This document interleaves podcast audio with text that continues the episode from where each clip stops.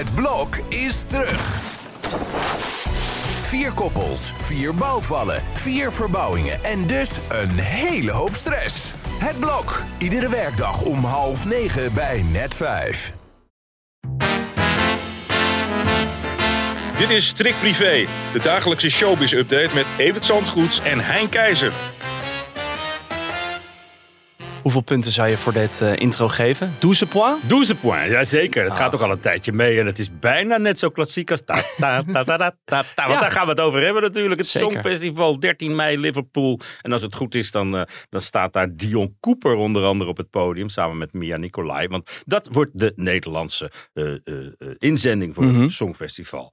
Wat eh, in Liverpool gehouden gaat worden. En eh, ja, twee eh, redelijk onbekende namen. Ik had gedacht eigenlijk dat ze voor wat meer ervaren artiesten zouden gaan na het afgelopen jaar. Mhm. En dan dacht ik zelf aan een Alain Clark. En, en Dotan heeft natuurlijk lang op het lijstje gestaan. Maar die heeft zijn eigen glazen een beetje ingegooid met die hele trollenaffaire. Maar ja, toch weer twee onbekende artiesten. En dat hebben zij te danken aan een kennelijk dijk van een nummer. Wat eh, unaniem gekozen is door de jury. En waarvan iedereen nu al hoge verwachtingen heeft. En waar wij nog even moeten wachten. Want Avrotros heeft nog niet bekendgemaakt wanneer we dat eh, voor het eerst gaan horen. Ja, vorig jaar hadden we natuurlijk S10, daarvoor Django McCroy en Duncan Lawrence. Is dit dan een soort van de nieuwe weg van de Avotos om het Songfestival bij jonger publiek populair te maken? Of? Ja, daar lijkt het wel op. Duncan Lawrence was zelf natuurlijk ook nog niet heel erg Nee. eh, doorgebroken toen hij naar eh, het Songfestival ging en won.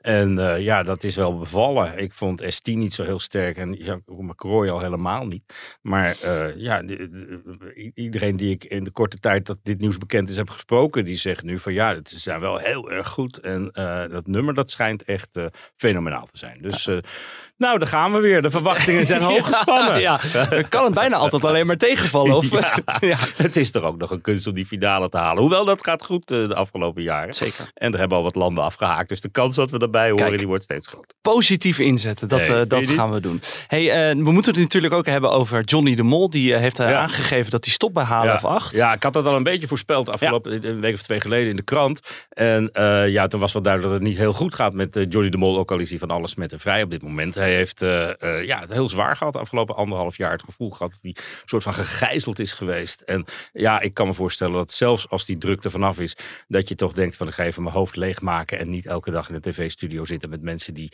elk moment over die zaak kunnen beginnen. En eh, ja, het is een, een, een heavy tijd geweest voor hem. Dat niet alleen, maar dan is ook nog zijn zus Danielle ziek, met wie hij een hele goede band heeft. Schat van een meid is dat ook. En ja, dat, mm, ja, dat vreet heel erg aan hem. Dus hij gaat op reis, hij gaat eh, even aan zichzelf werken. Er moest 10 kilo vanaf, had hij eh, zelf gezegd. En eh, ja, dat we gaan we horen. Hij komt op een dag wel weer terug. Vind je het gemist dat Johnny nu even ja, weg is van het hele talkshow gebeuren? Nou, hij is natuurlijk al een tijd weg. Dus Ja. ja, dat is, het programma is wel rond hem Definitief dan. neergezet. Definitief. En ja, hoe dat met het programma gaat aflopen, dat, dat zullen we de komende weken, een week misschien wel horen. Maar ja, de presentatrice gaat ook nog eens weg. Ja, Leonie. Leonie.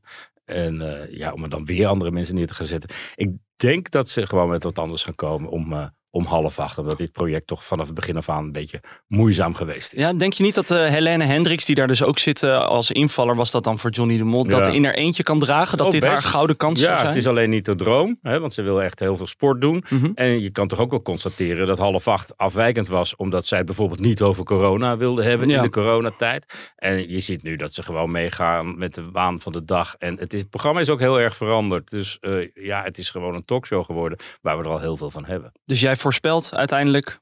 Iets anders om half acht? Ja? Ja. Ah, Oké. Ja. Nee, Ik, ik begin over een voorspelling, want gisteren had jij een voorspelling. Die zo, jaar, Maar jij zo, had twee zo, weer, zo, weer, zo waar dat- uitkwam. Dat, dat, kon, dat, kon bijna, eh, dat kon haar bijna niet ontgaan. Het was natuurlijk al bijzonder om bij Zelensky aan, aan, aan tafel te zitten. En eh, de toon van haar interview was bijzonder, omdat het niet alleen maar jubelend was en meeging met, met, met hem. Mhm. En eh, je zag ook wel de ergernis over de kritische vragen die ze stelde. Dus het was spannende televisie, mooie prestatie, mooi interview. En als er dan een Sonja Barend Award wordt uitgereikt voor eh, het beste interview van het jaar, dan eh, kon het niet uitblijven dat zij hoge ogen zou gooien en uiteindelijk met dat eh, rode ding er vandoor ging. Ja, nou, felicitaties ook vanuit eh, de voltallige redactie van de Strikt Privé podcast. Zo, nou, Dan alweer een opvallend moment bij Jinek. We, bl- we blijven eigenlijk in de talkshowhoek. Er waren nu weer oranje supporters die opstonden, eh, tegen haar schreeuwden. Eh, dus ik verwacht niet dat het moment als wij succes hebben als Nederland zijn, dat het dan in één keer... gaan, wij gaan weg, jongens. Holland mag ik weg nummer 1. Fijne avond, jongens. Bedankt. Jongen, jongen, jongen. Wat een slap gehouden zeg. Hoe heb je daar naar zitten kijken? Ja, Houdt het ooit op met Nou, Jinek? ik heb er niet naar zitten kijken, omdat ik eh, op de andere zender zelf wat te doen heb om die tijd. En eh, vaak zie ik het dan nog wel terug eh, s s'nachts.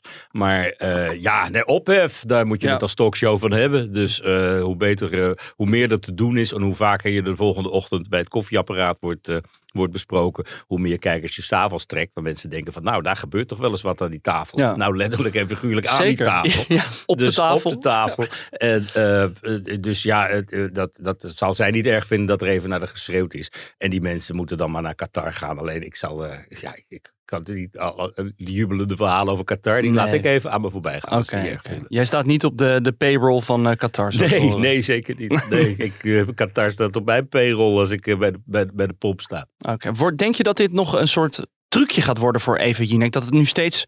Ja, we hebben de, de, de Glennis Grace hebben we gehad. We hebben de lijnplakker gehad. We hebben nu dit. Simon, We hebben Ja. Nick en Simon gehad. Ja. Is dit nou het juiste pad wat zij aan het bewandelen is? Je mag het hopen, maar ik vind ophef of een goed interview eh, nog wel wat anders. Ja. En eh, ja, zo goed was dat interview met Glennis Grace niet natuurlijk. Nee, nee, dat eh, was niet heel kritisch. Nogmaals, had het toch maar even over die videobeelden moeten hebben. hè? Goed, vandaag prijkt er een schitterende foto op onze entertainmentpagina.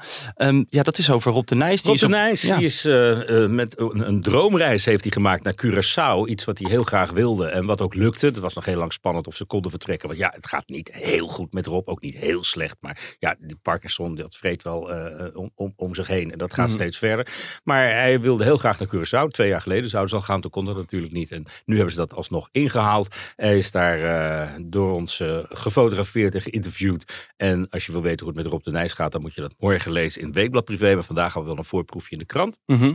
En eh, daarin vertelde hij ook dat zijn afscheidsconcert op 1 januari wordt uitgezonden door eh, Omroep Max. Dan kan iedereen nog één keer genieten van Rob de Nijs. En ik moet dan wel zeggen dat het om vijf uur 's middags is. Dus zo gaat de publieke omroep met zijn grote sterren om. Eh, Rob werd op tweede, wordt op tweede kerstdag eh, 80. Dat was natuurlijk een ideale kerstavond geweest om daar dat concert neer te zetten. Waar 15.000 mensen in Ziggo zo ontzettend tot tranen toe de meeste van genoten hebben. Maar nee, dan word je weggestopt op 1 januari om 5 uur 's middags. Dat ligt niet aan eh, Jan Slachter, die op het idee kwam om het sowieso te registreren. Die zal er ongetwijfeld zijn best gedaan hebben om dat niet weg te stoppen in de uren van de middag. Maar eh, ja, dat is het. Nou moet ik ook zeggen, 1 januari is een bijzondere dag. Iedereen heeft een kater, dus dat is misschien toch wel lekker wegkijken. Spreek voor jezelf, hè? Ik ja, maar ik vind Rob de Nijs hoort gewoon Zeker. het afscheid van Rob de Nijs in de avonduren te zitten en niet weggestopt op een, eh, op een zondagmiddag. Je begon er al even over. Morgen is de pri- nieuwe privé eh, ver- verschijnt op de mat. Zijn er nog meer dingen die je er al over kan zeggen? Wat- Nee, Nee? nee, dat de nietjes er weer in zitten bijna. en dat die morgen, dat die morgen verkrijgbaar is. Nou, Ja. prima. Nou, daarmee sluiten we deze editie van eh, de Strikt Privé podcast af. Even Tot morgen, tot morgen. Hoi, hoi.